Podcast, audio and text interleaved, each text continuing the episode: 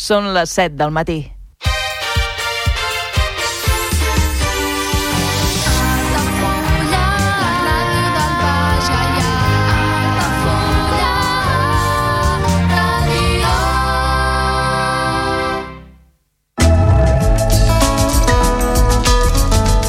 L'agenda Altafulla Ràdio.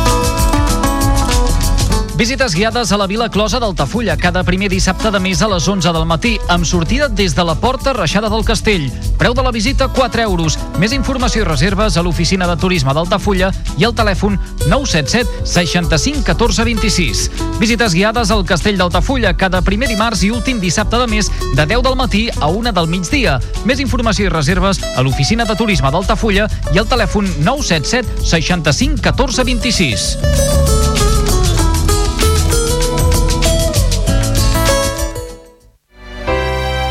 Comunions 2024. Dates ja disponibles amb sales privades, jardí, pàrquing privat i la millor gastronomia. Més informació i reserves al 977 65 11 55 i a comercial arroba altafullamarotel.com o al web altafullamarotel.com.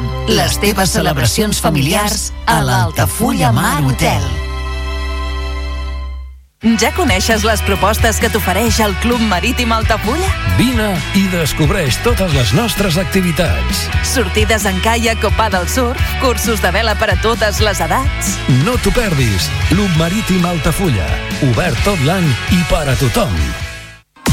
Carrer Major, el programa de les emissores del Camp de Tarragona. Cada dia de 4 a 6 de la tarda, el que passa al Camp de Tarragona t'ho expliquem amb la major redacció d'un programa de territori quilòmetre zero. Periodisme de proximitat, continguts de qualitat, amb Anna Plaza i Toni Mateos. Carrer Major. En cas d'accident químic, practica l'efecte bombolla.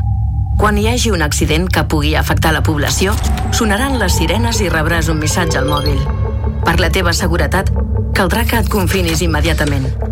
A casa, a l'edifici més proper o a l'escola. Tanca les portes i les finestres, abaixa les persianes i apaga els sistemes de climatització. L'efecte bombolla et protegirà. Generalitat de Catalunya. Sempre endavant. Al meu país la pluja no sap ploure. El canvi climàtic asseca els rius.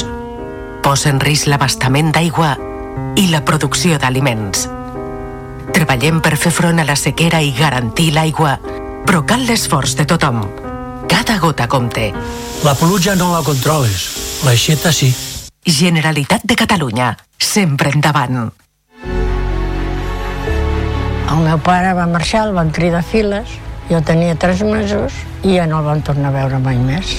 La ràdio va fer un paper molt important a l'hora de, de saber que existia un programa de recuperació dels cossos trobats en fosses comunes de la, de la Guerra Civil. A mitjan juliol, que m'havien trucat de justícia per informar-me que havien pogut casar les dues mostres d'ADN, la de la meva mare amb la del meu avi. Vaig posar a cridar i abraçar-me amb ells amb uns plors perquè vaig pensar al final, al final ho he aconseguit. La vaig agafar la foto d'ella i li vaig dir, mama, ja tenim el papa aquí, i ja pots estar junt amb ell. Si tens algun familiar desaparegut durant la Guerra Civil i el franquisme, inscriu-lo al Cens de Persones Desaparegudes i apunta't al programa d'identificació genètica. Tu també pots tancar el dol.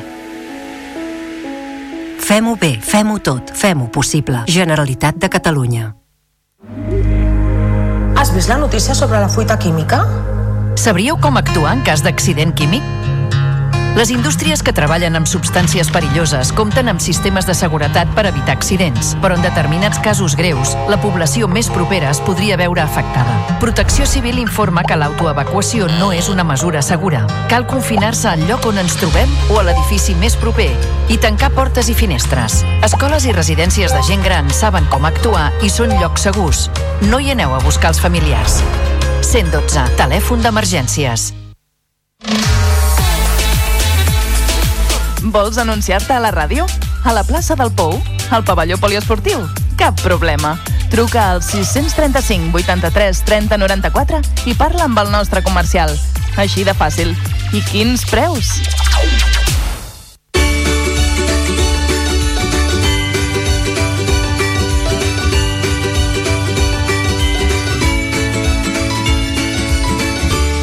Altafulla Ràdio.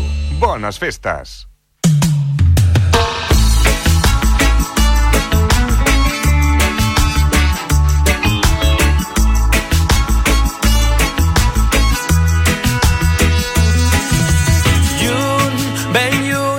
De tot aquell temps.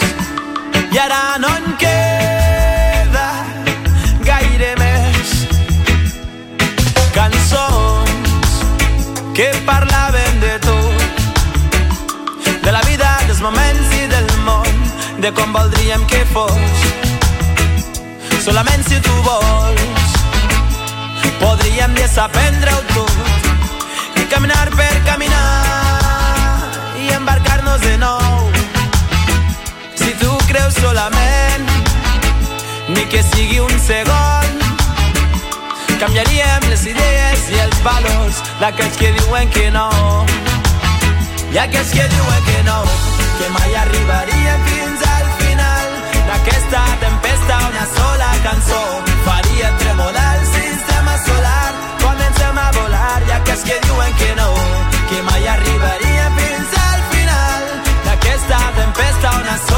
sola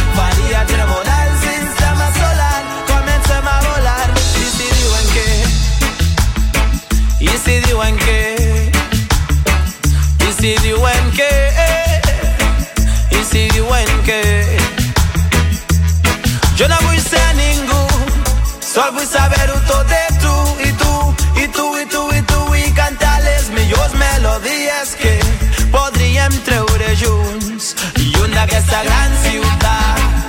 Segur que hi ha un lloc millor on no ens esperen aquells que diuen que no que no, que no.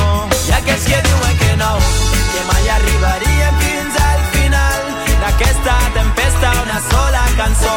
Faria tremolar el sistema solar. Comencem a volar i aquells que diuen que no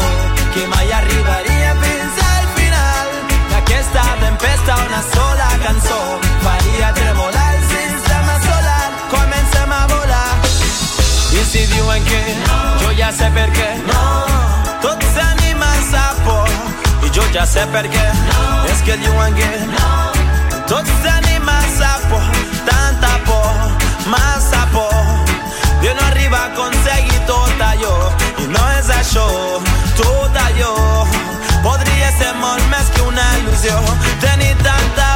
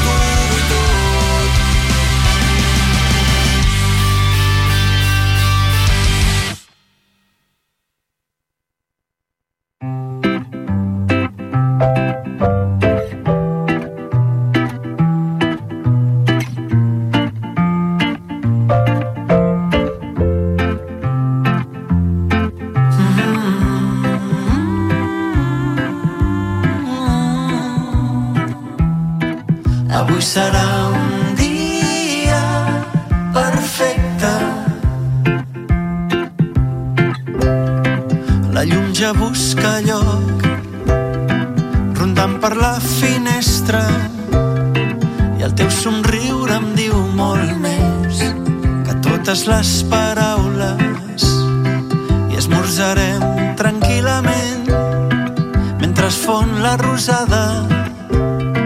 Passejarem fins al vespre deixant l'atzar guiar-nos.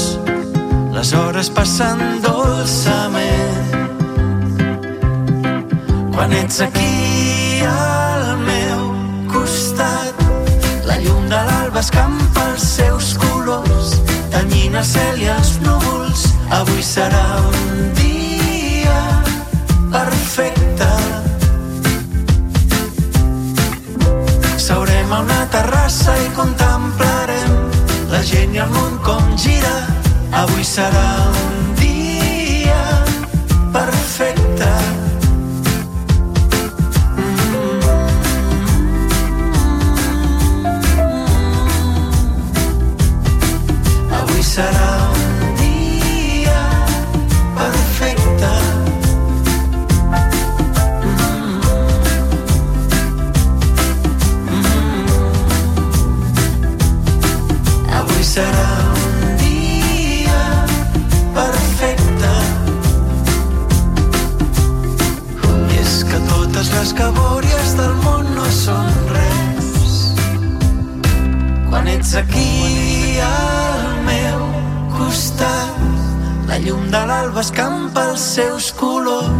renyin el cel i els núvols. Avui serà un dia perfecte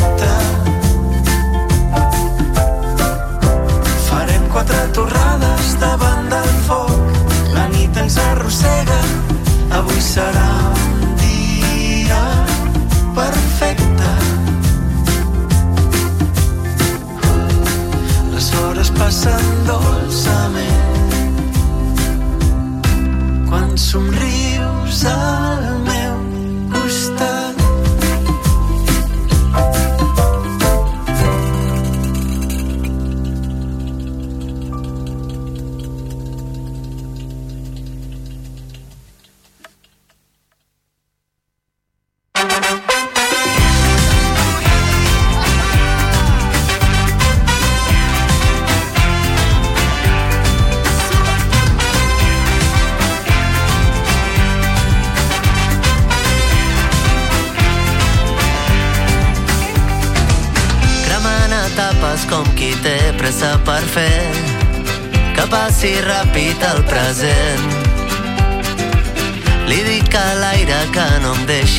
fare.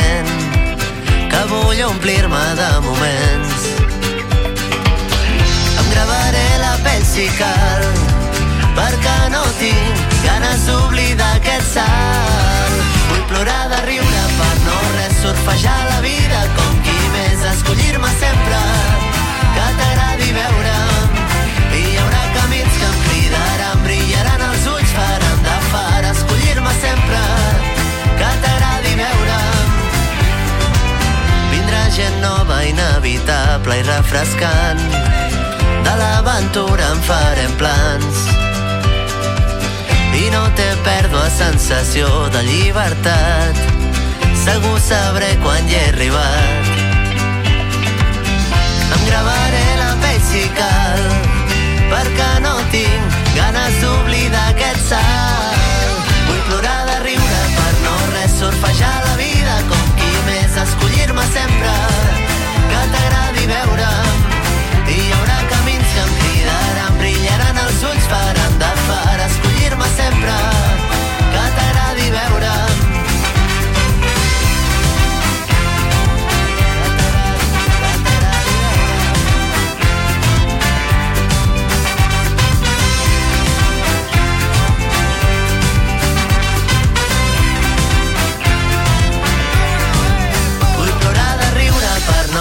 surfejar la vida com qui més escollir-me sempre.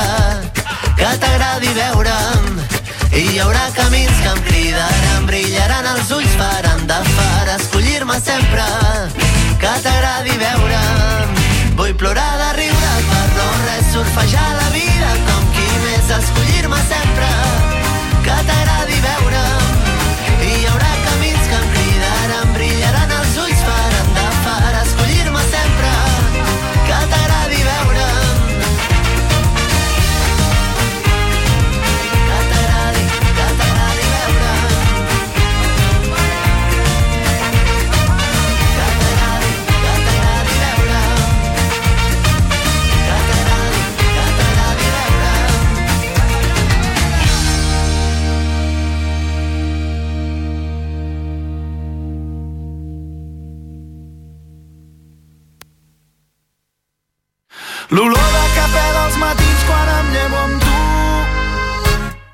Els plats del sopar que ningú té el valor de rentar. I penso en tu a cada moment des que el sol treu el cap pel tagamanent i va il·luminant els somriures de la meva gent. El parell de mitjons de colors oblidats dins el llit. Els veïns del tercer que se'm queixen dels teus crits d'ahir quan dius que tens pressa però encara tens temps d'enganxar-te als llençols. Durant 5 minuts més fent el gos, fent l'amor, expulsant-los la mandra molt lentament. I és que per mi els teus defectes són tan espectaculars. Ningú podrà fer-me dubtar que vull estar amb tu. Jo vull estar amb tu. Vull estar amb tu. Jo vull estar amb tu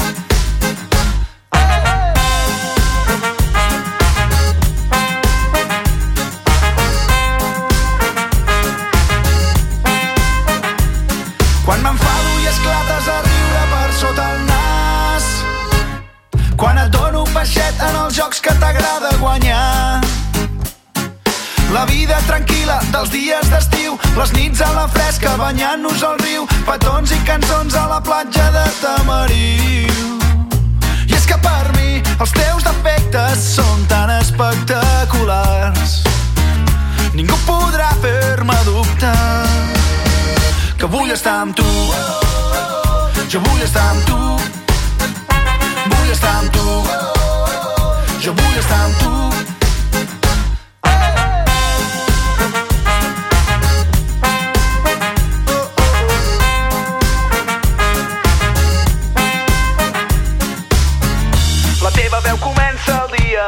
la promesa d'una alegria que viu entre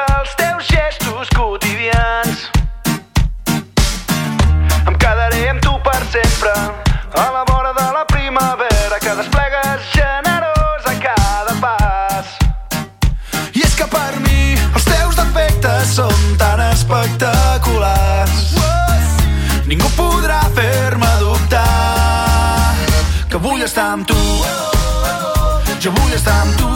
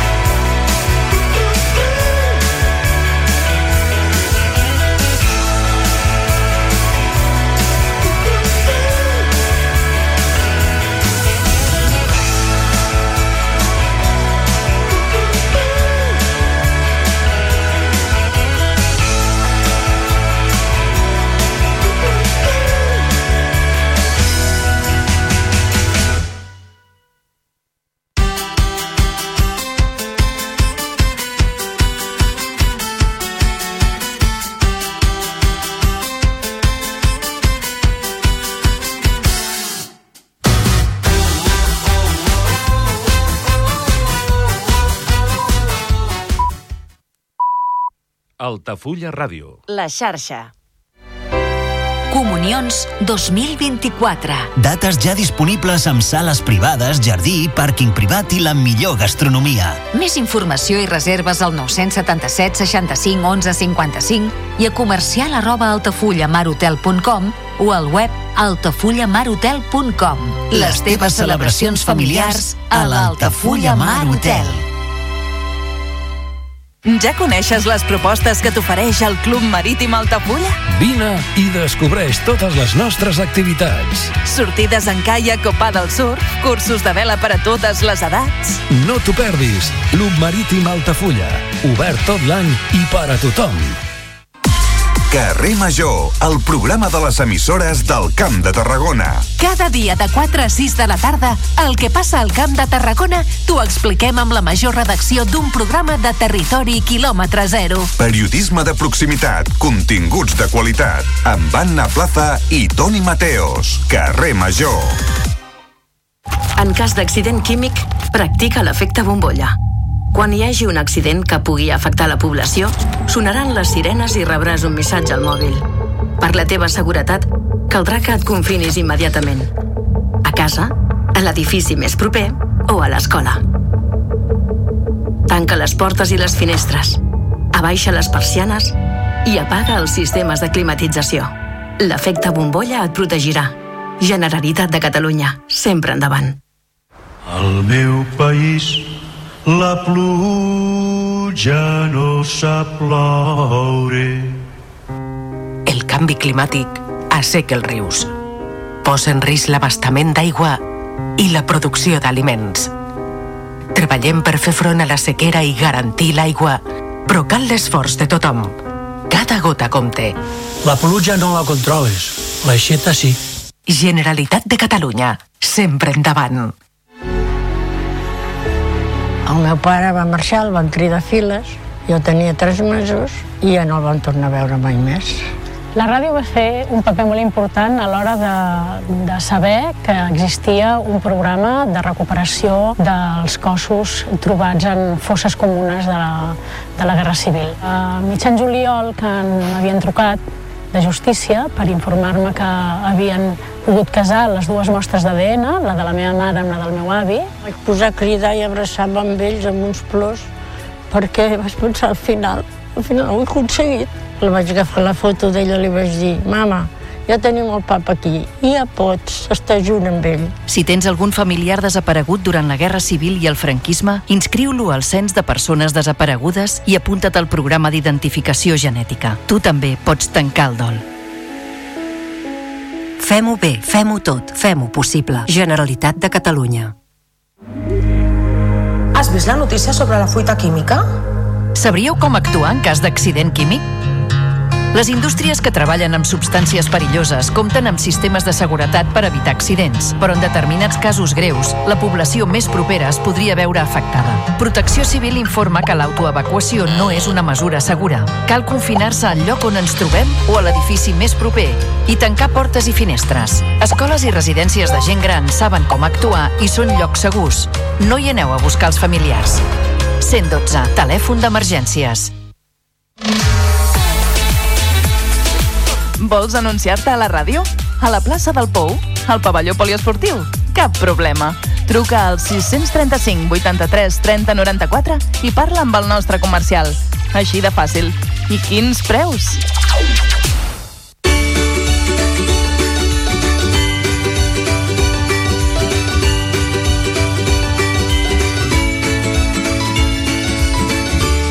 Altafulla Ràdio. Bones festes. Qualsevol diria que arribaria el dia aquell en el que tu i jo vam ser amants. Se't crema la ferida, allà on senties vida, deixa que t'ho curi amb les meves mans.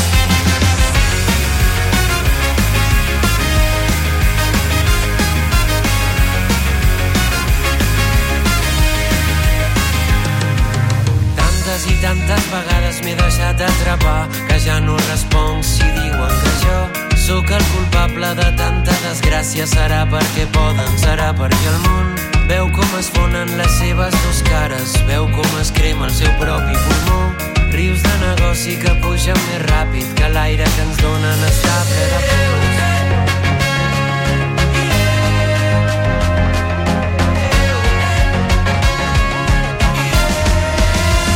Però qualsevol diria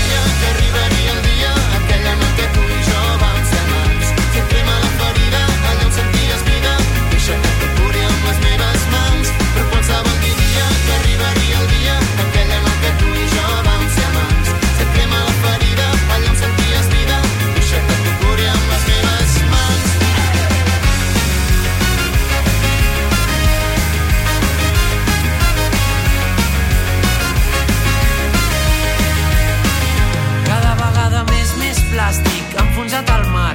Ja no podrem flotar. Cada vegada més, més fàstic cap al nostre ser. Ja no podrem somiar. Cada vegada més, més cèntric. No sí cap al bar. Ja no podrem parlar. Cada vegada més, més bàsics. Volen que no pensis. Ja no podrem crear.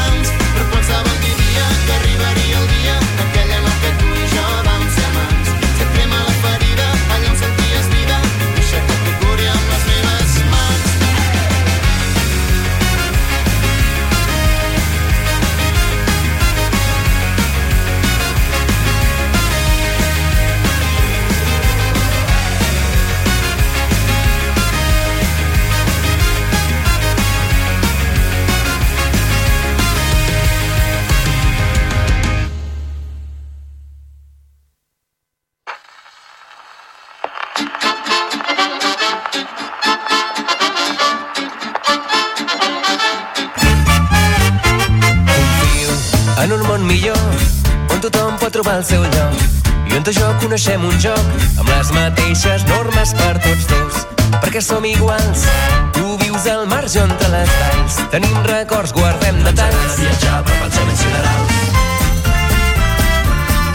Entre estrelles i planetes neix un nou desig per tornar a terra. Que el temps no ens espera, no vull mirar enrere, no hi ha cap camí que ens ensenyi drecera. Dins d'aquesta selva, avui sentir a prop, m'he posat per límit la imaginació. Tot és poc, ho hem vist per conèixer. Tot és poc, si el temps té pressa. Tot és poc, quan la nit és freda. Junts som foc, el present crema. Tot és poc, ho hem vist per conèixer. Tot és poc, si el temps té pressa. Tot és poc, quan la nit és freda. Junts som foc, el present crema.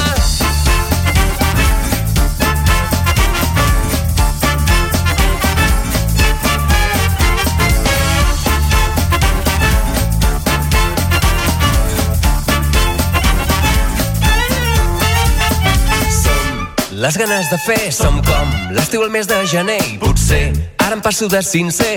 Som contradictoris perquè sí però volem així. Fem com si no existís camí fem-ho bé, fem-nos imant per començar un nou viatge sideral.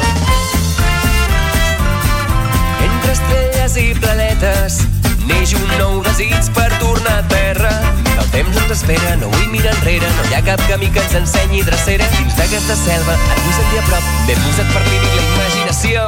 Tot és poc, ho vist per conèixer. Tot és poc, si el temps té pressa tot és poc, quan la nit és freda junts som foc, el present crema. Tot és poc, ho vist per conèixer. Tot és poc, si el temps té pressa tot és poc, quan la nit és freda junts som foc, el present crema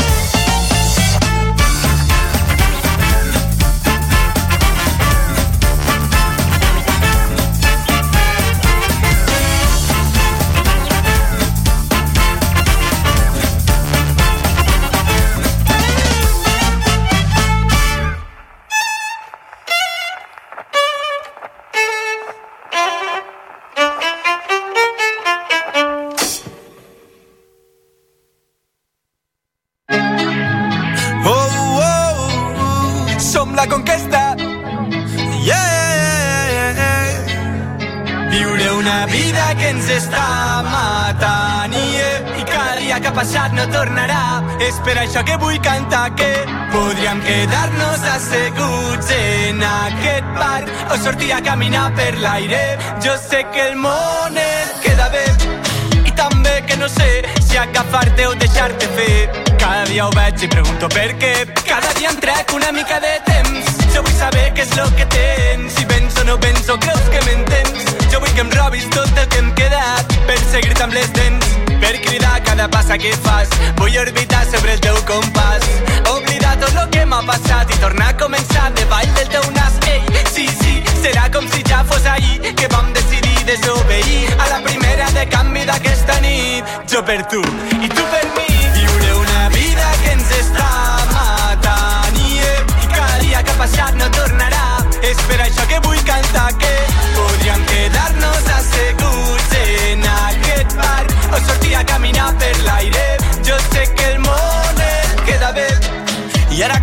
sé definitivament el per què. Tu que improvisaves una sortida amb un avió de paper i no volies creure en mi solament en el destí. I vam descobrir que potser algun dia tots junts el podríem construir. Sí, en algun lloc amagat de la terra on la ciutat no hi arriba. On la claror de l'aigua i el sol són la millor medicina. Tu sol mira que jo faré tota la resta perquè te magis a mi de festa. Som la passió comprimida som la conquesta de la nostra vida. Hey! viure una vida que ens està matant i, cada dia que ha passat no tornarà. És per això que vull cantar que podríem quedar-nos asseguts en aquest parc o sortir a caminar per l'aire. Jo sé que el món et queda bé d'una vida que ens està matant i cada dia que ha passat no tornarà és per això que vull cantar que podríem quedar-nos asseguts en aquest parc o sortir a caminar per l'aire jo sé que el món queda bé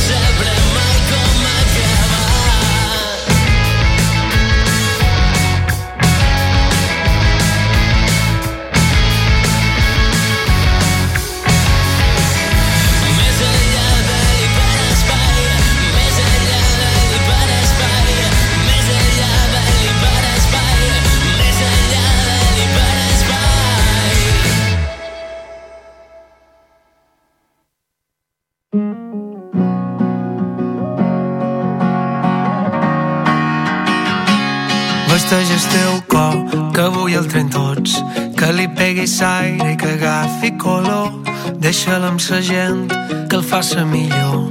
Te brillen els ulls quan t'abraces amor. La festa comença S'aixeca el taló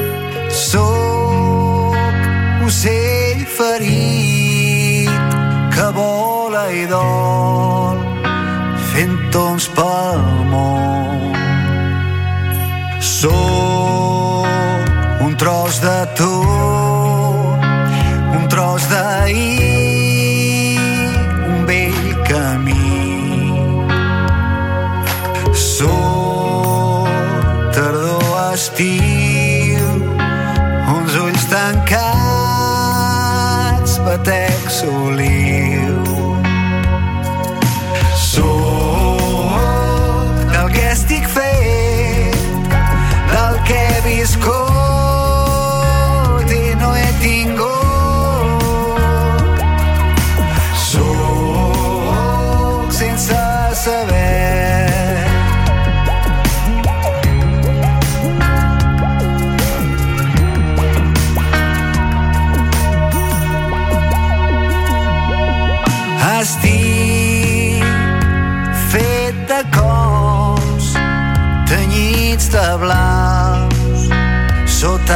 pell. Soc olor de juny, sal al cabell, un buit més. Soc la pau amb sang, silenci estrany, ple de soroll.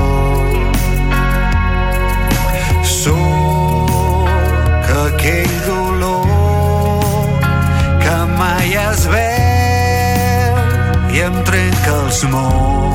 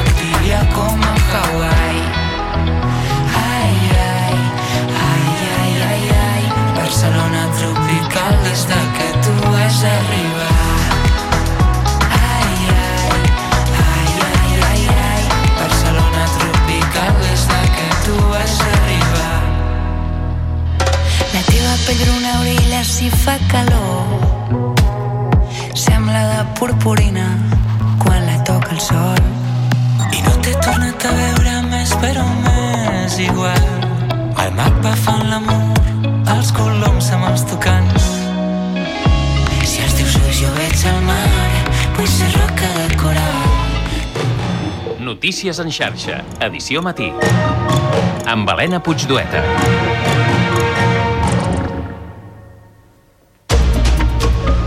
Bon dia. El president de la Generalitat, Pere Aragonès, fixa per l'any que ve la segona fase de les negociacions amb l'Estat per avançar cap a un referèndum. Ho ha dit en el missatge institucional de Sant Esteve, en què també ha situat el 2024 com l'any per assolir un finançament singular per Catalunya.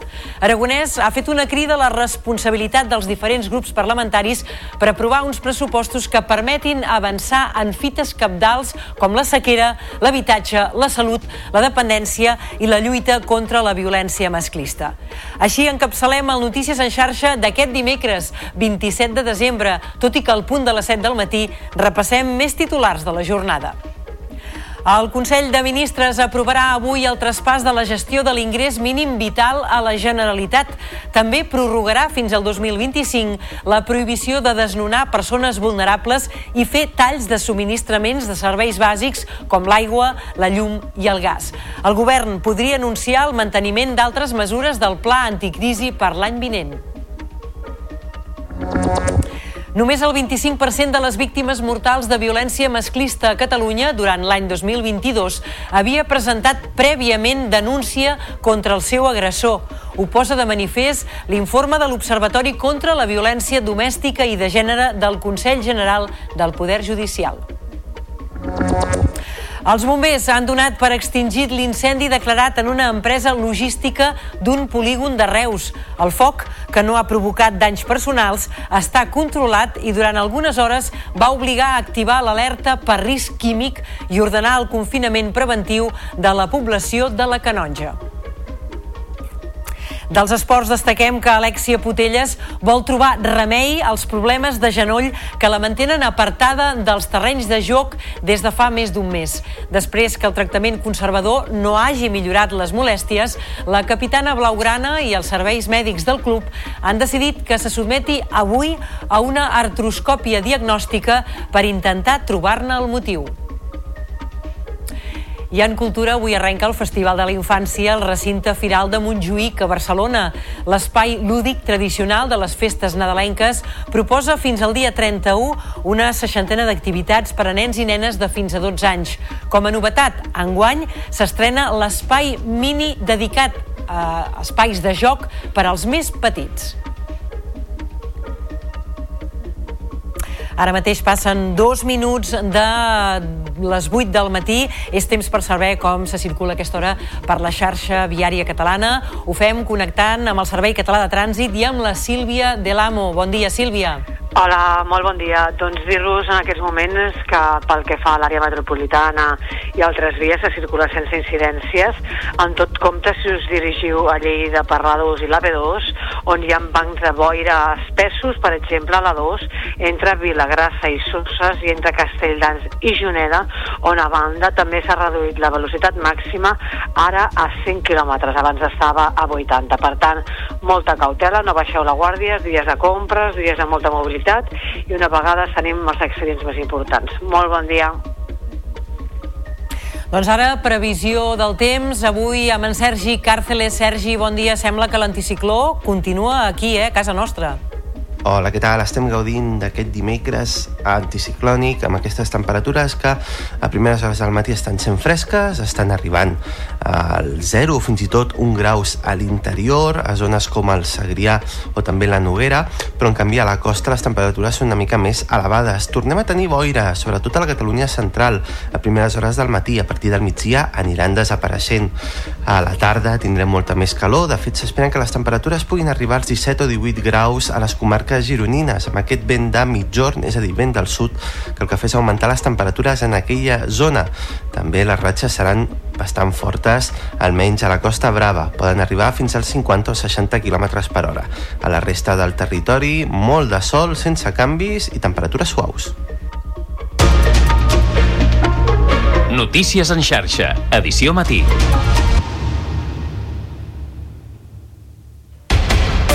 Us ho dèiem suar en titulars, el president de la Generalitat, Pere Aragonès, fixa per l'any que ve l'inici de la segona fase de la negociació amb el govern espanyol per avançar en el dret a decidir de Catalunya. Així s'hi ha referit en el tradicional missatge institucional de les festes de Nadal que ha pronunciat des del dipòsit del rei Martí. En aquest sentit, el president ha definit el 2024 com l'any d'aplicació plena de la llei d'amnistia que permeti el retorn de les persones represaliades per l'1 d'octubre. Un nou any en què Aragonès també situa l'acord per un finançament singular amb l'Estat i l'assoliment de més eines per abordar reptes com l'atenció a la dependència, la lluita contra la violència masclista, l'accés a l'habitatge i l'impacte de la sequera. Tot plegat, ha recordat el president, ha de ser possible amb l'aprovació prèvia dels pressupostos de la Generalitat. És per això que també ha fet una crida a la responsabilitat de tots els grups parlamentaris. Ha de ser l'any en què la llei d'amnistia s'aprova, s'aplica plenament i permet recuperar la llibertat i el retorn a Catalunya de les persones represaliades pel seu compromís amb el referèndum. El 2024 ha de ser l'any en què abordem la segona fase del procés de negociació en l'Estat, on Catalunya ha de poder decidir lliurement el seu futur. El 2024 ha de ser l'any en què acordem un finançament singular amb l'Estat que posi fi a un dèficit fiscal insuportable que ens priva de destinar els recursos que ja paguem, però que administren uns altres, a millorar la sanitat, a enfortir l'educació, ajudar autònoms, treballadors i emprenedors o a les persones amb dependència. Això mateix, pel que fa a la dependència, a la sanitat pública, l'habitatge o la lluita contra la violència masclista, requereixen que hi posem el millor de nosaltres i que utilitzem totes les eines. També els pressupostos de la Generalitat pel 2024, imprescindibles per seguir avançant i que requeriran de la responsabilitat i el compromís d'una majoria del Parlament de Catalunya. Estic decidit a construir-la per fer-ho possible. I així ho demano als grups parlamentaris i tinc el convenciment que tots estarem a l'alçada. Doncs de tot plegat en volem parlar ara mateix amb Joan Carles Gallego, que és diputat d'en Comú Podem al Parlament. Senyor Gallego, molt bon dia. Molt bon dia. Gràcies per atendre'ns. Entrem de seguida o entrarem de seguida en els detalls de, del discurs d'en de, Pere Aragonès, però faci'ns d'entrada una primera valoració genèrica. Bé, així, així en general el discurs em va semblar com una mica buit de contingut, no? O sigui, tot, la sensació de molt bones paraules però poc, pocs fets, poques, poques concrecions, no? Uh, I els temes que crec que realment en aquests moments ocupen a la ciutadania, que ens preocupen, en relació al tema de la salut, en relació al tema de l'educació, fins i tot el tema de la, de la sequera o el tema de l'habitatge d'una manera molt clara, van estar molt poc tractats, van estar eh, amb, amb poques concrecions, amb poca sensació de tenir davant un govern capaç de gestionar tant els problemes de l'educació com els de salut o com els de l'habitatge, que crec que avui són els problemes fonamentals que ens estan preocupant la ciutadania al costat, evidentment, del tema de la sequera, que aquí ja comença a ser molt preocupant. No? I ens va donar la sensació això, moltes paraules, eh, bones paraules, però mm, pocs fets, no? poca voluntat de gestionar el servei de la ciutadania a les eines que té aquest govern. En tot cas, eh, el senyor Aragonès, o president de la Generalitat, reclamava eh, un suport eh, a tots els grups parlamentaris precisament per fer front a tots aquests grans reptes que ara vostè ens comentava, eh, per afrontar els reptes de l'educació, de la salut, dels drets, dels drets socials, de l'habitatge, de la sequera. Parlava o feia una crida a la responsabilitat de tots els grups parlamentaris perquè se puguin aprovar ben aviat aquests comptes de la Generalitat, del govern doncs, català, de cara al 2024. Bé, el que passa és el problema que tenim és que el senyor Aragonès eh, no, no, és que hagi de demanar suport als grups per uh, tirar endavant el pressupost, sinó que el senyor Aragonès el que ell ha de saber és que no té uh, la majoria suficient per tirar endavant les polítiques en aquest país. I si tu no tens la majoria suficient perquè tens només 33 diputats dels 135, tu el que has de fer és parlar amb els grups, negociar, eh, fer, diguéssim, unes eh, polítiques consensuades amb els altres grups perquè les teves per tu sol no les pots fer. No? Nosaltres ja li vam deixat clar el senyor Aragonès que eh, és important que aquest país tingui pressupostos, però perquè aquest país tingui pressupostos el govern ha de dir quin model de país vol. Per tant, ha de fer polítiques coherents. Primer ha de tenir paraula, ha de complir allò que ha acordat en altres moments. Nosaltres li hem demanat que, ens, que es compleixi íntegrament l'acord que vam fer l'any 23 i allò que no pugui complir, que ens digui per què no es pot complir i com es compromet a complir-ho en el més breu temps possible. Per tant, diguéssim, ens ha de respondre com acabem complint tot allò que vam pactar per aquest pressupost de l'any 23. No? I la segona és que si hem de fer uns pressupostos, aquests pressupostos han de ser coherents amb el país que volem tirar endavant i amb els reptes que tenim. I, per exemple, si tu vols tirar endavant uns pressupostos que hauran de lluitar contra la sequera, que hauran de situar el tema de l'educació, la salut, el tema de l'habitatge com a elements eh, centrals, que hauran d'apostar per un model energètic eh, diferent basat en renovables, clar, tu el que no pots fer al costat d'això és apostar per projectes que són contraris eh, en aquest model energètic, que són contraris al problema de la sequera, que eh, generen, diguéssim, malalties mentals com la lobotia, que seria el model aquest del hard rock, no? Tu no pots tirar endavant un projecte com el Hard Rock que acaba gastant més aigua que una ciutat de 30.000 habitants quan no tenim aigua, que acaba generant problemes de ludopaties i addiccions que això implicarà més despesa en salut o en temes de, de seguretat.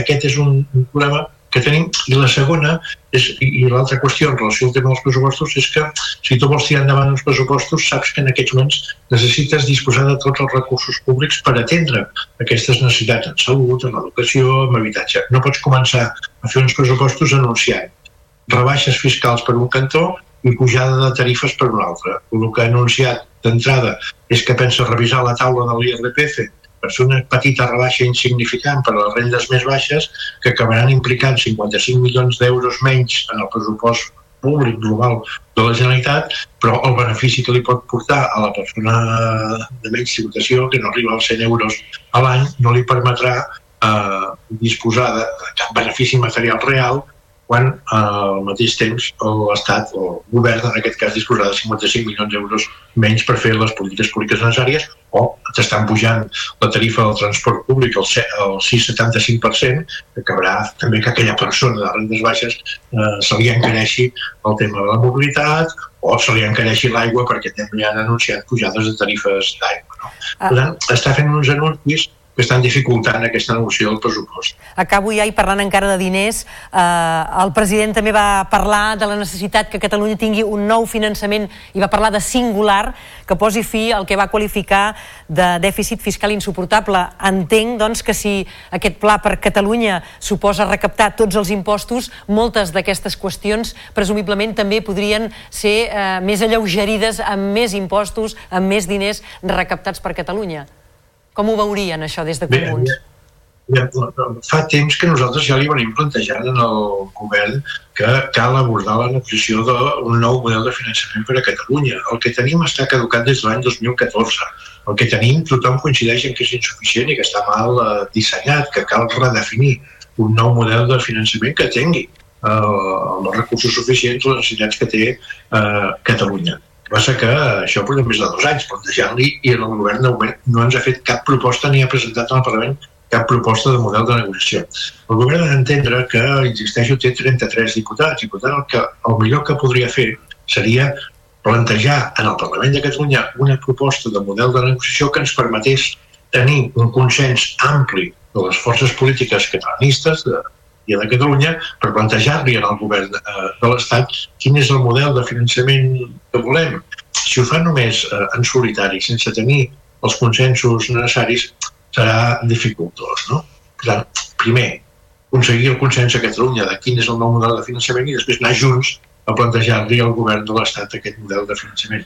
Necessitem un nou model de finançament més just, evidentment, mm, que permeti recaptar els impostos, que permeti aplicar diguéssim, els impostos a les, eh, a les necessitats.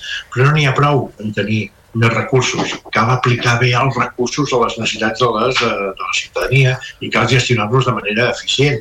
I el govern aquí també ha de demostrar que és capaç de gestionar els recursos de manera eficient. Queda entès. Aquests darrers anys estan Senyor Joan Carles Perdó? Gallego, gràcies doncs uh, un dia més per atendre'ns, diputat d'en Comú Podem al Parlament i que vagi molt bé, uh, acabin d'anar molt bé aquestes festes. Gràcies per atendre'ns avui.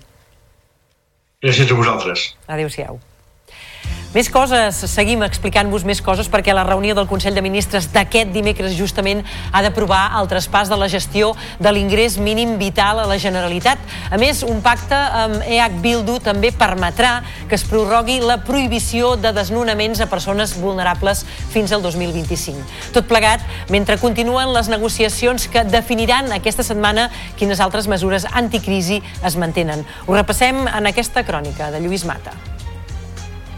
El traspàs de la gestió de l'ingrés mínim vital a la Generalitat és una de les garanties que va fixar per aquest dimecres el president del govern espanyol, Pedro Sánchez, en la reunió mantinguda la setmana passada a Palau amb el president de la Generalitat, Pere Aragonès. Una oportunitat per simplificar els tràmits i avançar cap a la finestreta única.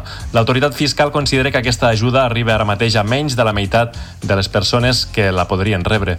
Pel que fa a la pròrroga de la prohibició per desnonar vulnerables fins al 2025, EH Bildu també ha pactat allargar l'escut social contra talls de subministraments bàsics com l'aigua, la llum i el gas. Precisament sobre l'energia, continuem pivotant les negociacions per definir si l'any vinent es manté la reducció de l'impost que grava el servei i també de l'IVA de l'electricitat, que ara mateix és al 0,5 i que podria tornar al 5%. Damunt la taula també hi ha la revisió d'altres ajudes, com la rebaixa de l'IVA als aliments de primera necessitat.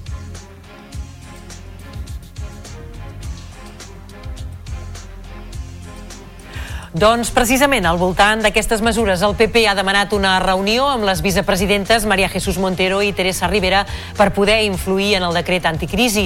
El responsable de l'àrea econòmica dels populars, Juan Bravo, ha demanat al govern espanyol fer un pas més enllà per protegir els més vulnerables. que mantenga el IVA reducido de los alimentos que lo amplíe a la carne, el pescado y las conservas, que utilice viendo la enorme recaudación que está obteniendo para ayudar a las familias que más nos necesitan mediante esa deflactación del IRPF, mediante esa reducción del IRPF, a su vez también la reducción de los pagos fraccionados y las retenciones de los autónomos.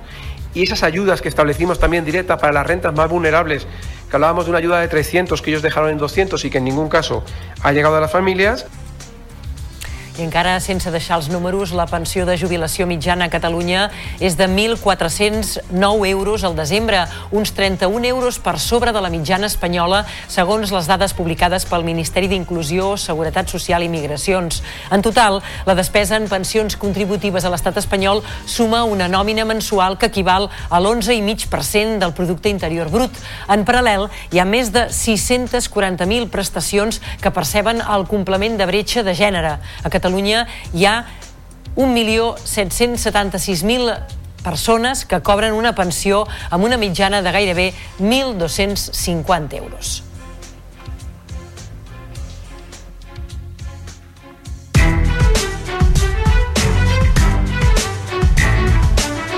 Us ho hem anunciat també en titulars, només el 25% de les víctimes mortals de violència masclista a Catalunya durant l'any 2022 havia presentat prèviament denúncia contra el seu agressor.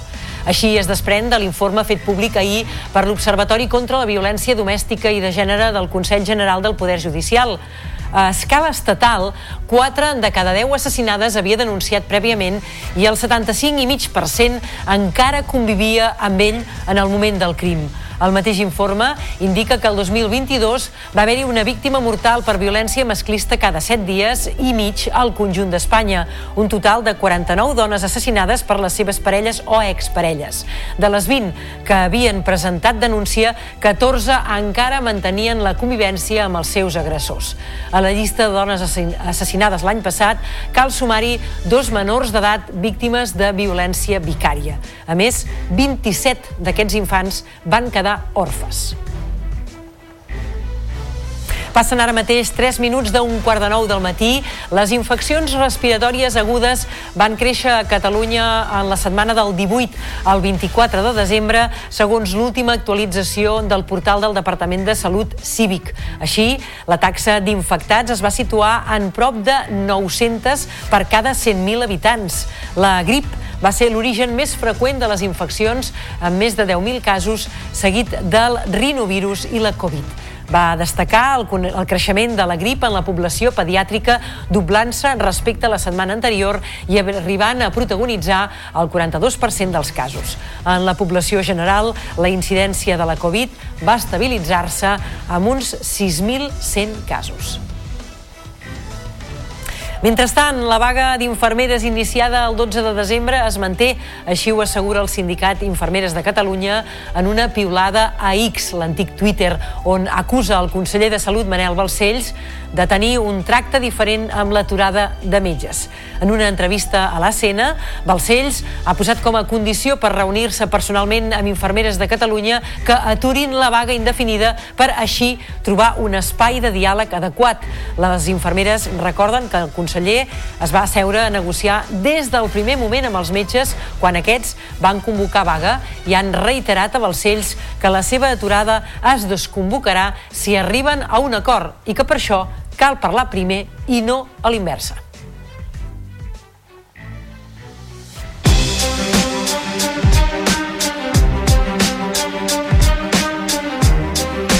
Avui també us expliquem que els bombers de la Generalitat han extingit l'incendi que afectava l'empresa Salvat Logística de Reus al polígon CIM del Camp.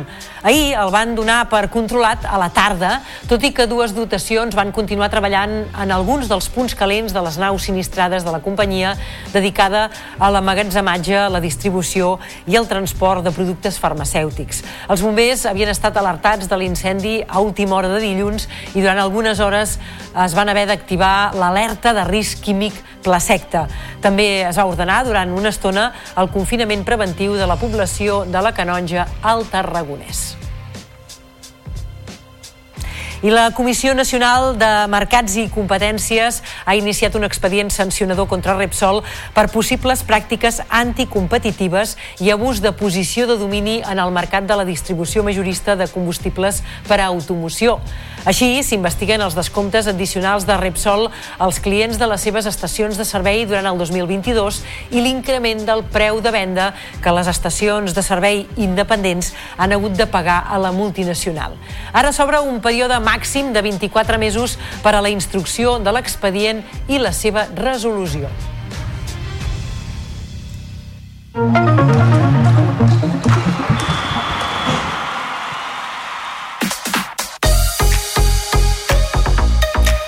9 minuts arribarem a dos quarts de nou del matí. En, obrim la crònica esportiva avui amb un nom propi, el d'Alexia Putelles, que vol trobar la solució als problemes de genoll que la mantenen apartada dels terrenys de joc des de fa més d'un mes. Després que el tractament conservador no hagi millorat les molèsties, la capitana blaugrana i els serveis mèdics del club han decidit que se sotmeti avui justament a una artroscòpia per intentar trobar-ne el motiu. Els problemes al genoll, el mateix del qual es va operar l'any passat pel trencament del lligament encreuat, van començar en el duel de la Champions davant el Benfica i han fet que es perdi els darrers set partits. També el club blaugrana. Avui s'espera l'arribada del darrer fitxatge, Vitor Roque, el jove de 18 anys, arriba provinent del Brasil després d'haver signat amb el conjunt blaugrana fins al 2031. El primer contacte amb els companys el tindrà demà a la tarda en el retorn de l'equip als entrenaments i podria estar a disposició de Xavi per al proper partit de Lliga dijous de la setmana vinent contra les Palmes. I parlem ara de bàsquet perquè el Joventut de Badalona va guanyar ahir a l'Olímpic el Reyer Venècia per 89 a 81 i encadena així la cinquena victòria seguida a l'Eurocup. La penya està en un gran moment de forma, ja que ha guanyat 8 dels últims 9 partits entre l'ACB i la competició europea. Tot i això, el seu tècnic, Carles Duran, encara veu marge de millora. És veritat que hem millorat eh, els percentatges, però crec que eh, ens ha faltat una mica més d'ambició. No? Vull dir, estem contents, hem fet la feina, però crec que ens hem de demanar més. Avui, per exemple, ens han fet quasi un 68% de bàsquets de dos i, per tant, mm, no, no vull que pensem tan a llarg plaç, més a curt termini, insisteixo, contents, però encara podem millorar. A la Lliga ACB, el Barça visita aquesta nit el segon classificat, l'Unicaja. Els blaugranes, tercers a la taula, arriben amb un balanç irregular després d'haver encaixat 5 derrotes en els darrers 8 partits. Tot el contrari que el conjunt de Màlaga, que busca batre el seu rècord de triomfs consecutius a la Lliga després d'haver encadenat 11 victòries. Un dels al·licients serà el retorn de Darío Brizuela, al Martín Carpena, on ha jugat els darrers 3 anys. Us expliquem també que el paratriatleta de l'equip Triatló Girona Costa Brava, Marc Rodríguez, treballa per aconseguir la classificació per als Jocs de París 2024. Després d'haver acumulat nombrosos èxits en diverses competicions, es marca la cita olímpica com la culminació per a la seva carrera. És una informació de Televisió de Girona, en concret d'en Bru Ortega. Marc Rodríguez és història viva del triatló a nivell mundial. Vigent campió del món de quatló a Ibiza, amb un ampli currículum de campionats i títols a les seves vitrines. Un pare triatleta que va saber deixar enrere tots els impediments que li van posar els metges després de l'accident que va patir als 18 anys. La part psicològica és, jo diria que no sé si igual o tan important com la part física perquè pots estar molt bé físicament, però dic, si mentalment eh, no acabes d'estar al 100% per, per factors, pues, pues els resultats no acaben de sortir com, com, com esperava, saps? I això també és una cosa important que haig de, a part psicològica està, també s'ha de treballar. El màxim objectiu que té a nivell personal és el de poder competir en els Jocs Paralímpics del 2024. Jo tinc els, els, els objectius alts, però bueno, crec que podem estar per allà. És difícil, la veritat, però intentarem lluitar i, i ficar el més difícil als, els altres, els altres triatletes. Rodríguez actualment està situat en la vintena posició del rànquing, però l'esportista i paratriatleta és optimista i creu en les seves possibilitats, per deixar enrere tots els impediments que li ha posat la vida per poder-ho aconseguir.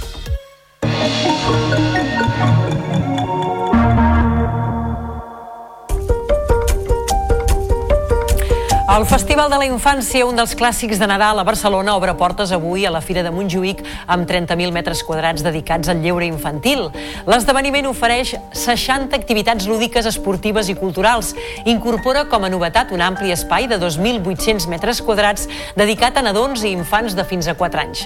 També hi ha una ludoteca, espais de psicomotricitat, experiències visuals, un circuit amb cotxes d'època i un escenari propi. I de Barcelona a Tarragona, on avui també obre les portes al campament de Ses Majestats, els Reis d'Orient, al moll de Costa. Estarà obert fins dissabte i enguany Malció, Gaspar i Baltasar han fet una aposta decidida per la sostenibilitat. Ens ho expliquen des de TAC 12. Darrers retocs per posar a punt el magatzem reial que ha d'acollir totes les joguines dels infants tarragonins. Els patges ja treballen a tota màquina esperant l'arribada de Malció, Gaspar i Baltasar la nit del 5 de gener. Enguany ho fan més conscienciats que mai pel que fa a la sostenibilitat. És per això que els regals que arriben al magatzem s'emboliquen amb papers reciclats i diari i les decoracions també són reciclades. D'aquesta manera es vol traspassar aquesta consciència ecològica als infants. És la quarta edició del magatzem reial que va néixer en plena pandèmia i s'ha consolidat com un clàssic del Nadal tarragoní molt estimat per la ciutadania. Enguany, a més, es complementarà amb la fàbrica de les joguines al Tinglado 1. Un dels protagonistes del magatzem reial serà el dromedari, que enguany bufa 100 espelmes. Tots aquells qui vulguin felicitar-lo i visitar aquest espai han de reservar entrada al web entrades.tarragona.cat. Alguns dels passes ja estan exaurits.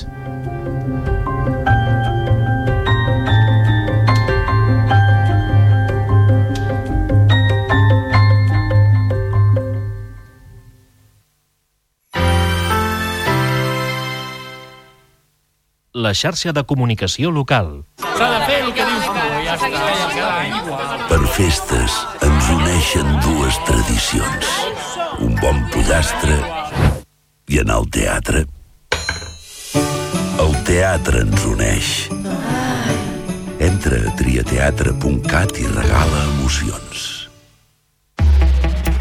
Aquest any m'apuntaré al gimnàs i potser hi aniré tot. I jo perfeccionaré el meu anglès. Però si no en saps. Per això... I jo aprendré a cuinar. Vull dir que aprendré a escalfar el microones als tàpers de la mama.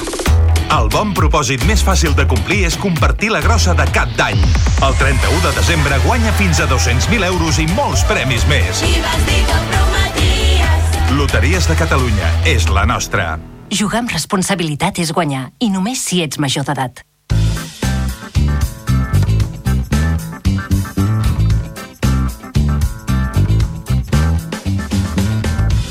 Sabies que... Per què ens pica la llengua quan mengem pinya? Té a veure amb un complex enzimàtic anomenat bromelina i que sol ser precisament el complement que es ven en càpsules per millorar la digestió, ressaltant a més sempre que prové de la pinya. És a dir, que alguna cosa que ens permet gaudir d'una fruita realment digestiva ens provoca també aquest lleuger regust picant que ens queda a la boca cada cop que mengem pinya.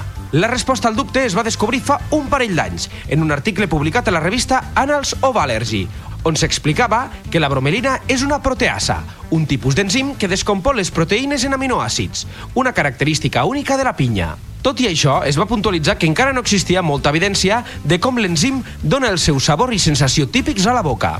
Segons els científics, és molt probable que després de menjar diversos trossos de pinya, la bromelina comenci a descompondre algunes proteïnes que formen la capa mucosa protectora de la nostra boca.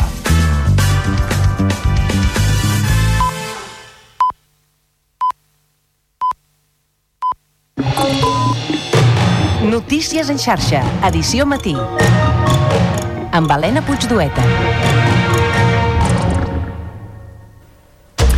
Bon dia, són dos quarts de nou del matí i avui al Notícies en xarxa us estem explicant que el president de la Generalitat, Pere Aragonès, fixa per l'any que ve la segona fase de les negociacions amb l'Estat per avançar cap a un referèndum. Ho ha dit en el missatge institucional de Sant Esteve, en què també ha situat el 2024 com l'any per assolir un finançament singular per a Catalunya.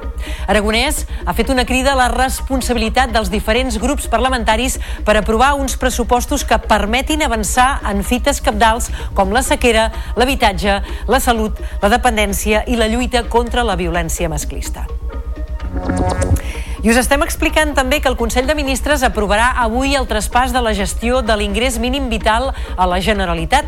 També prorrogarà fins al 2025 la prohibició de desnonar persones vulnerables i fer talls de subministraments de serveis bàsics com l'aigua, la llum i el gas. El govern podria anunciar el manteniment d'altres mesures del pla anticrisi per l'any vinent. Ho analitzarem tot plegat d'aquí a uns minuts amb la Cira Vilardell, que és la vicepresidenta de la taula d'entitats del tercer sector social de Catalunya.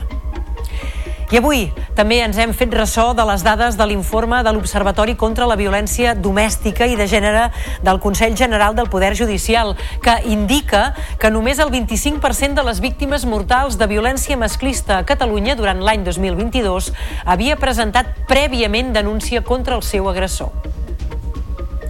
Dels esports, Alexia Putelles vol trobar remei als problemes de genoll que la mantenen apartada dels terrenys de joc des de fa més d'un mes. Després que el tractament conservador no hagi millorat les molèsties, la capitana blaugrana i els serveis mèdics del club han decidit que se sotmeti avui a una artroscòpia diagnòstica per intentar trobar-ne el motiu. I acabarem el Notícies en xarxa fent un repàs a les estrenes de cinema que aquesta setmana s'avancen avui dimecres. Destaca Fallen Leaves, una comèdia finesa que va aconseguir el Premi del Jurat a Cannes. També arriba a les sales la francesa Disco Boy, que explica com un jove bielorrus s'allista a la legió estrangera. I el director Taika Waititi presenta El peor equipo del mundo, basat en una història real.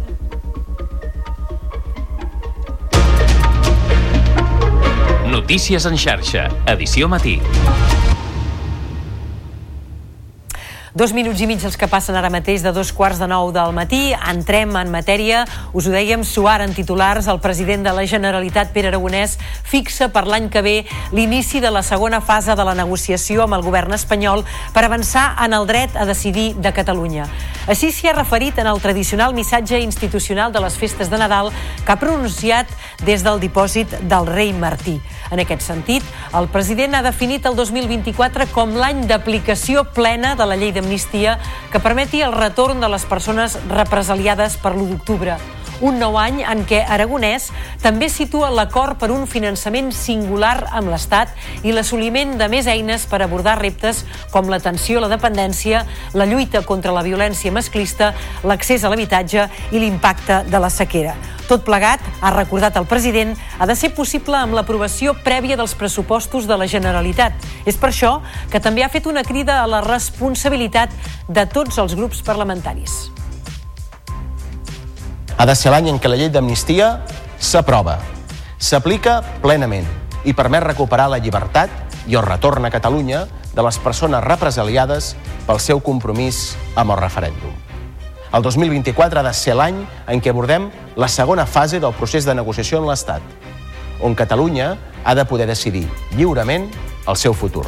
El 2024 ha de ser l'any en què acordem un finançament singular amb l'Estat que posi fi a un dèficit fiscal insuportable que ens priva de destinar els recursos que ja paguem, però que administren uns altres, a millorar la sanitat, a enfortir l'educació, ajudar autònoms, treballadors i emprenedors o a les persones amb dependència. Això mateix pel que fa a la dependència, a la sanitat pública, l'habitatge o la lluita contra la violència masclista requereixen que hi posem el millor de nosaltres i que utilitzem totes les eines. També els pressupostos de la Generalitat pel 2024, imprescindibles per seguir avançant i que requeriran de la responsabilitat i el compromís d'una majoria del Parlament de Catalunya. Estic decidit a construir-la per fer-ho possible. I així ho demano als grups parlamentaris i tinc el convenciment que tots estarem a l'alçada. Avui, que hi ha l'últim Consell de Ministres de l'any i en què hi ha previst aprovar el traspàs de la gestió de l'ingrés mínim vital a la Generalitat. A més, un pacte amb EH Bildu també permetrà que es prorrogui la prohibició de desnonaments a persones vulnerables fins al 2025. Tot plegat mentre continuen les negociacions que definiran aquesta setmana quines altres mesures anticrisi es mantenen. Ho repassem en la següent crònica de Lluís Mata. El traspàs de la gestió de l'ingrés mínim vital a la Generalitat és una de les garanties que va fixar per aquest dimecres el president del govern espanyol, Pedro Sánchez, en la reunió mantinguda la setmana passada a Palau amb el president de la Generalitat, Pere Aragonès. Una oportunitat per simplificar els tràmits i avançar cap a la finestreta única.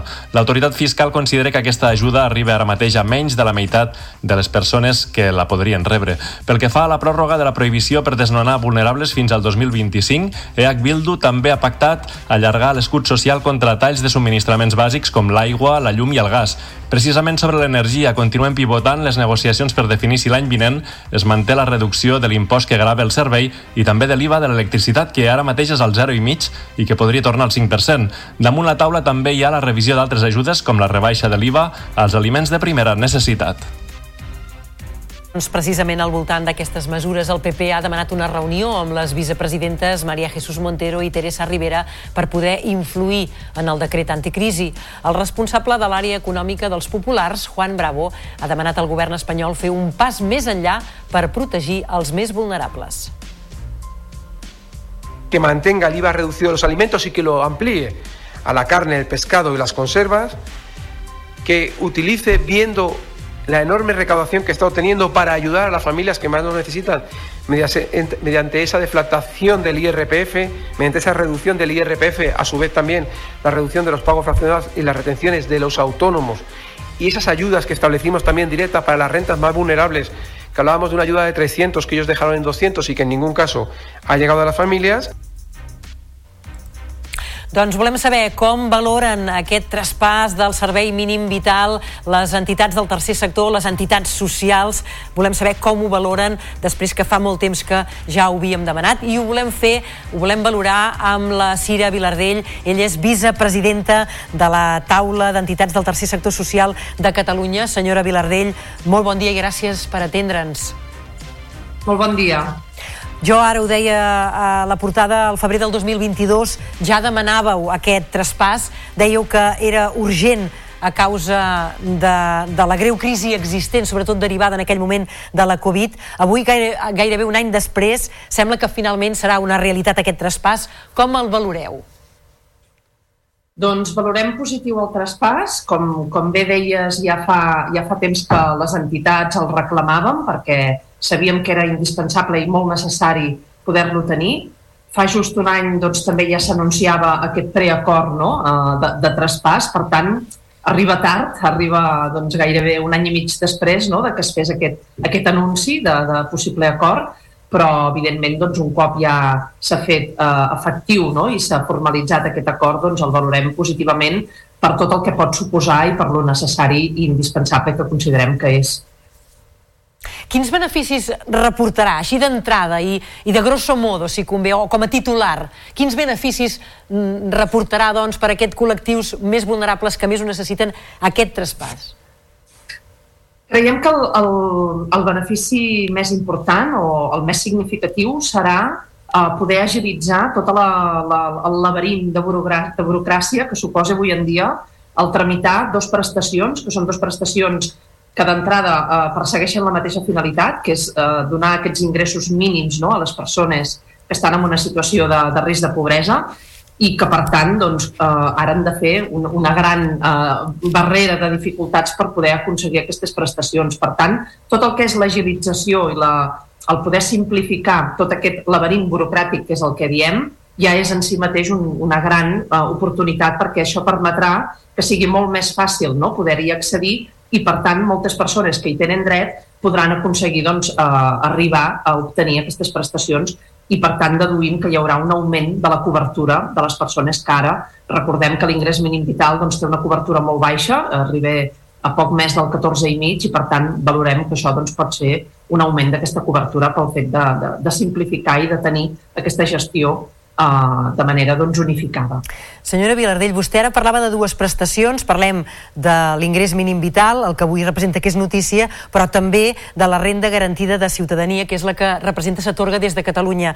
El traspàs d'aquest ingrés mínim vital pot anar en detriment d'aquesta renda garantida de ciutadania? Quin encaix està previst entre totes dues prestacions o quin encaix voldríeu vosaltres que tingués? Clar, nosaltres el que pensem que hauria de passar a partir d'ara, no? ara que ja doncs, s'ha doncs, fet eh, efectiu aquest traspàs, o es farà efectiu aquest traspàs, és que cada vegada doncs, els criteris de l'una i de l'altra, d'aquestes dues prestacions, anessin més a, a, a la una, no? és a dir, poguessin anar harmonitzant i poguessin doncs, anar-se d'alguna manera eh, acordant la una amb l'altra. Això ho faria molt més fàcil, perquè ara és veritat que tenim dues prestacions, però les dues prestacions encara a dia d'avui tenen requisits diferents i, per tant, algunes vegades doncs, és complicat perquè compleixes els requisits de l'una i no de l'altra, no? Doncs que es pogués anar harmonitzant aquests criteris i que poguéssim anar avançant cap a aquesta idea també de la finestreta única, no? que permetés aquest tràmit únic per poder doncs, facilitar, com deien, tota aquesta burocràcia no? i aquestes gestions administratives múltiples que ja a dia d'avui eh, seria un, un guany per tothom. No? Uh, pensem que això és el que hauria de ser. Ara, és veritat que més enllà de l'anunci del traspàs, no tenim encara molt clar o estem una mica esperant no? conèixer quins seran realment els, els, els, eh, els objectius específics d'aquest traspàs, com es farà, no? com seran aquests criteris, com es podrà operativitzar tot aquest traspàs i com s'aniran harmonitzant tots aquests criteris que diem que haurien d'anar avançant cap a una gestió única. Vaig acabant, senyora Vilardell. Més enllà d'aquest traspàs, és veritat que també hem parlat de que possiblement s'aprovi, gràcies a un pacte MEAC-Bildu, prorrogar fins al 2025, prohibir desnonar persones vulnerables i fer talls de subministraments de serveis bàsics com l'aigua, la llum i el gas. Suposo que per vosaltres aquesta també és una molt bona notícia, no?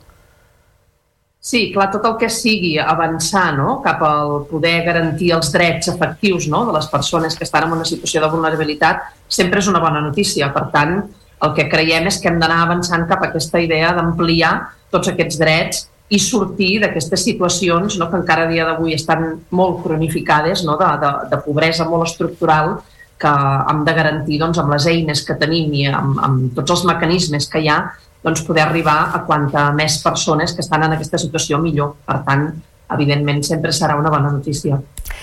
Cira Vilardell, vicepresidenta de la taula d'entitats del Tercer Sector Social de Catalunya, gràcies per haver estat amb nosaltres aquest matí, que vagi molt bé i això, a seguir lluitant. Esperem doncs, que el d'avui es compleixi definitivament i sigui una bona notícia. Gràcies, bon dia. Moltes gràcies, bon dia a vosaltres. Notícies en xarxa. Tota la informació al teu abast.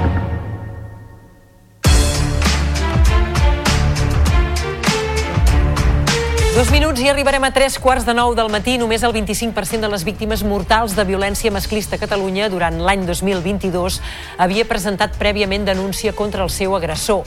Així es desprèn de l'informe fet públic ahir per l'Observatori contra la Violència Domèstica i de Gènere del Consell General del Poder Judicial. A escala estatal, 4 de cada 10 assassinades havia denunciat prèviament i el 75,5% encara convivia amb el seu agressor en el moment del crim. El mateix informe indica que el 2022 va haver-hi una víctima mortal per violència masclista cada 7 dies i mig al conjunt d'Espanya, un total de 49 dones assassinades per les seves parelles o exparelles. De les 20 que havien presentat denúncia, 14 encara mantenien la convivència amb els seus agressors. A la llista de dones assassinades l'any passat cal sumar-hi dos menors d'edat víctimes de violència vicària. A més, 27 dels infants van quedar orfes. Parlem ara de salut pròpiament perquè les infeccions respiratòries agudes han crescut la darrera setmana a Catalunya. Segons l'última actualització del portal del Departament de Salut Cívic, la setmana del 18 al 24 de desembre, la taxa d'infectats es va situar en prop de 900 o de 900 per cada 100.000 habitants. La grip va ser l'origen més freqüent de les infeccions, amb més de 10.000 casos, seguit del rinovirus i la Covid. Va destacar el creixement de la grip en la població pediàtrica, doblant-se respecte a la setmana anterior i arribant a protagonitzar el 42% dels casos. En la població general, la incidència de la Covid va estabilitzar-se amb uns 6.100 casos. I a tot això, la vaga d'infermeres iniciada el passat 22 de, 20, el passat 12 de desembre, ara ho dic bé, es manté. Així ho assegura el Sindicat Infermeres de Catalunya en una piulada a X, antic Twitter, on acusa el conseller de Salut, Manel Balcells, i de tenir un tracte diferent amb l'aturada de metges. En una entrevista a l'ACN, Balcells havia posat com a condició per reunir-se personalment amb les infermeres de Catalunya que aturessin la vaga indefinida per així trobar un espai de diàleg adequat. Les infermeres en recorden, però, el conseller que aquest es va seure a negociar des del primer moment amb els metges quan aquests van convocar vaga i han reiterat a Balcells que la seva aturada es desconvocarà si arriben a un acord i que per això cal parlar primer i no a l'inrevés.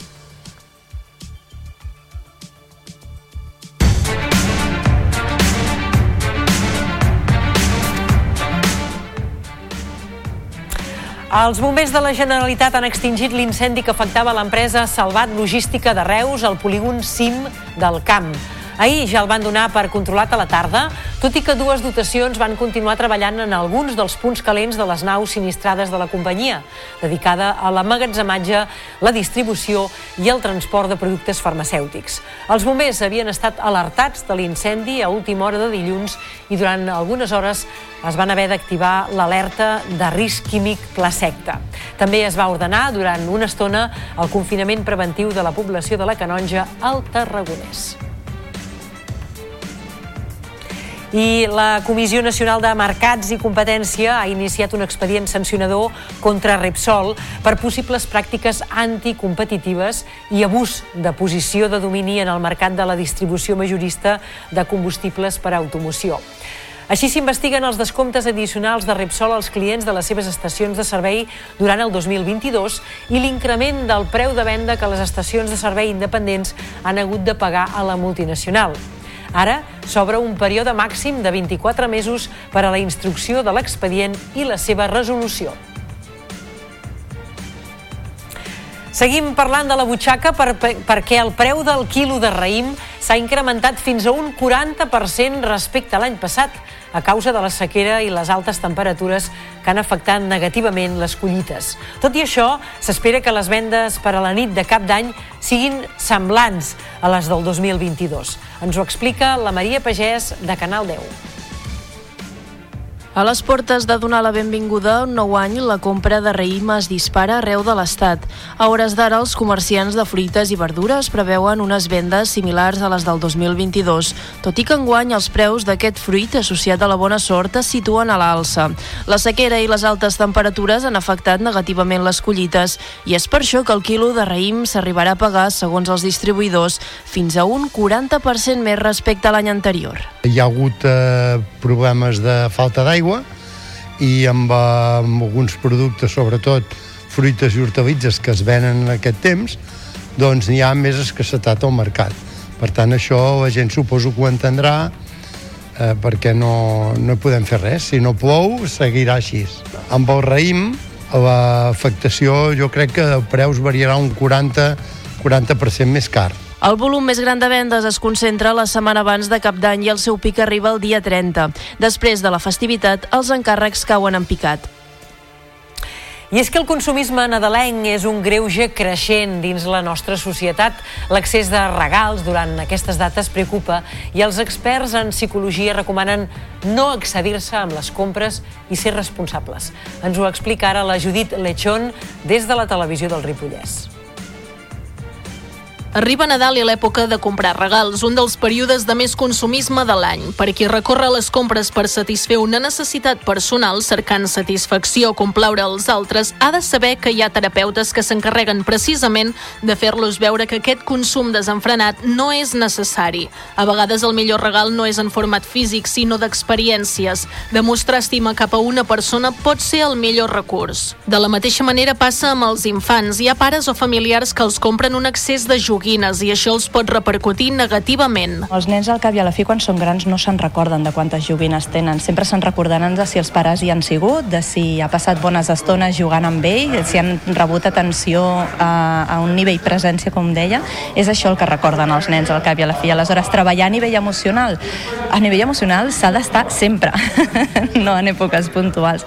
No és feliç el qui més té, sinó el qui menys necessita. Ser-hi present demostrant interès, estima i admiració és el millor regal que es pot fer aquest Nadal.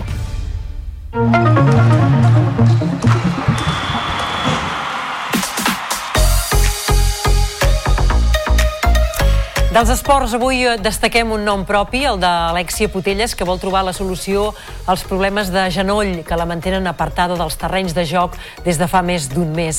Després que el tractament conservador no hagi millorat les molèsties, la capitana blaugrana i els serveis mèdics del club han decidit que se sotmeti avui a una artroscòpia per intentar trobar-ne el motiu. Els problemes al genoll, el mateix del qual es va operar l'any passat pel trencament del lligament encreuat, van començar en el duel de la Champions Champions davant del Benfica i han fet que es perdi els darrers set partits. També el club blaugrana avui s'espera l'arribada del darrer fitxatge, Vitor Roque, el jove de 18 anys, arriba provinent del Brasil després d'haver signat amb el conjunt blaugrana fins al 2031. El primer contacte amb els companys el tindrà demà a la tarda en el retorn de l'equip als entrenaments i podria estar a disposició de Xavi per al proper partit de Lliga dijous de la setmana vinent contra les Palmes. En bàsquet, el Joventut de Badalona va guanyar ahir a l'Olimpíc el Reire Venècia per 89 a 81 i encadena així la cinquena victòria seguida a l'Eurocup. La penya està en un gran moment de forma, ja que ha guanyat 8 dels últims 9 partits entre ACB i competició europea. Tot i això, el seu tècnic, Carles Duran, encara veu marge de millora a l'equip. És veritat que hem millorat eh, els percentatges, però crec que eh, ens ha faltat una mica més d'ambició. No? Vull dir, estem contents, hem fet la feina, però crec que ens hem de demanar més. Avui, per exemple, ens han fet quasi un 68% de bàsquets de dos i, per tant, mm, no, no vull que pensem tan a llarg plaç, més a curt termini, insisteixo, contents, però encara podem millorar. Pel que fa a la Lliga ACB, el Barça visita aquesta nit el segon classificat, l'Unicaja. Els blaugranes, tercers a la taula, arriben amb un balanç irregular després d'haver encaixat cinc derrotes en els darrers vuit partits. Tot el contrari que el conjunt de Màlaga, que busca batre el seu rècord de triomfs consecutius a la Lliga després d'haver encadenat 11 victòries. Un dels al·licients serà el retorn de Darío Brizuela, el Martín Carpena, on ha jugat els darrers 3 anys. El partit arrencarà a les 9 de la nit i obrirà la setzena jornada.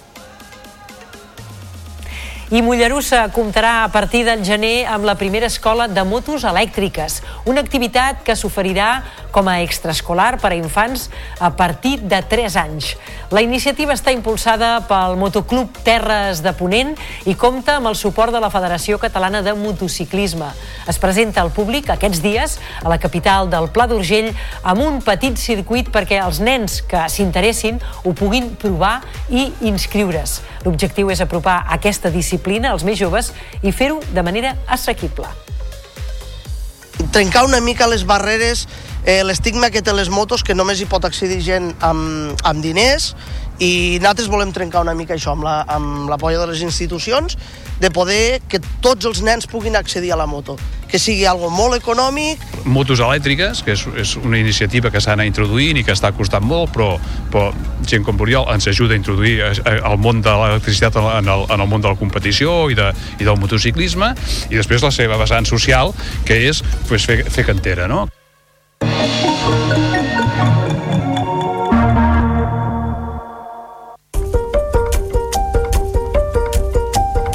Parlem ara de cultura. En aquests moments i aquesta setmana ho fem parlant de cinema perquè les estrenes s'avancen avui dimecres. Així que acabem el repàs amb les més destacades, les que ens arriben, com sempre, de la mà d'en David Navarro. ¿Recuerdas la noche que cantaste en el karaoke? En la mesa de al lado había dos mujeres. Quedé luego con la más bajita. Casi nos casamos. La protagonista de Fallen Leaves és Lanza. És soltera i viu a Helsinki. Treballa a un supermercat fent una feina rutinària. Una nit es troba accidentalment amb en Jolapa, un treballador alcohòlic. Contra tot pronòstic, intenten construir una relació i el noi aconsegueix controlar la seva addicció. ¿Y ahora qué? ¿Te apetece ir al cine? Es ilegal. No tiene papeles. No supone ningún problema. ¿De dónde viene? Bielorrusia, Liosna. ¿Tiene familiares? ¿Alguien a quien avisar en caso de emergencia? No. Després d'un difícil viatge travessant Europa, l'Alexei, un jove bielorrus, arriba a París per allistar-se a la legió estrangera. Així arrenca Disco Boy. Mentrestant, al delta del Níger, en Jomo lluita contra les companyies petrolieres que amenacen la supervivència del seu poble. En canvi, la seva germana Udoka somia amb escapar, sabent que està tot perdut. ¿Alguna vez te has preguntado en qué te habrías convertido si hubieras nacido al otro lado entre los blancos? Lo bueno es que tienes dos opciones. La opción 1, que es en la que estás. O Samoa Americana. ¿Es una broma? El director Taika Waititi dirigeix El peor equipo del mundo, basada en una història real, la de l'entrenador holandès Thomas Rongen. Va aconseguir una fita pràcticament impossible al món de l'esport. Va prendre les regnes de l'equip de futbol de la Samoa americana i va tractar de fer d'un grup de perdedors un altre de guanyadors nats. Señor, gracias por mandarnos al señor Rongen. Nos hemos encariñado de él. Ha sido como encontrar un niño blanco perdido en el centro comercial y decirle por dónde debe ir.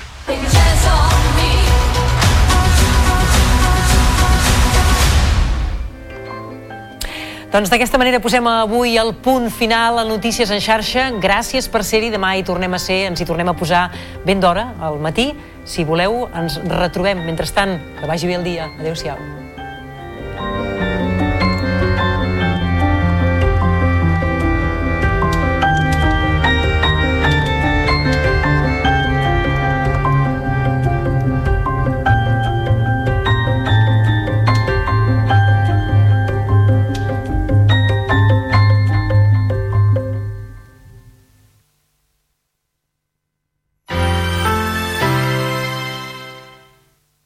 La xarxa de comunicació local. Aquest any m'apuntaré al gimnàs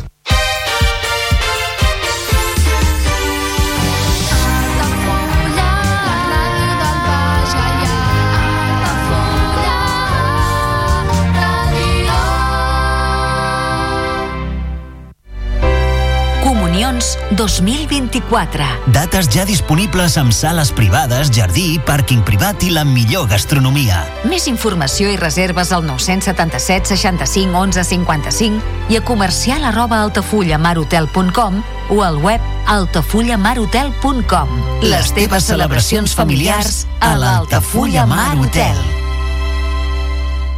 Ja coneixes les propostes que t'ofereix el Club Marítim Altafulla? Vine i descobreix totes les nostres activitats. Sortides en caia, copà del surf, cursos de vela per a totes les edats. No t'ho perdis. Club Marítim Altafulla. Obert tot l'any i per a tothom. Carrer Major, el programa de les emissores del Camp de Tarragona. Cada dia de 4 a 6 de la tarda, el que passa al Camp de Tarragona t'ho expliquem amb la major redacció d'un programa de territori quilòmetre zero. Periodisme de proximitat, continguts de qualitat, amb Anna Plaza i Toni Mateos. Carrer Major. En cas d'accident químic, practica l'efecte bombolla. Quan hi hagi un accident que pugui afectar la població, sonaran les sirenes i rebràs un missatge al mòbil. Per la teva seguretat, caldrà que et confinis immediatament. A casa, a l'edifici més proper o a l'escola. Tanca les portes i les finestres, abaixa les persianes i apaga els sistemes de climatització. L'efecte bombolla et protegirà. Generalitat de Catalunya. Sempre endavant.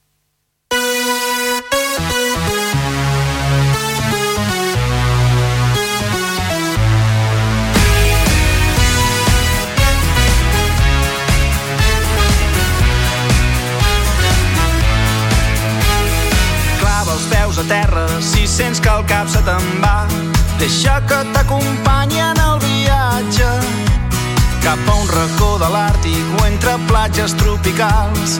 El temps no borrarà les nostres passes. Serem l'exemple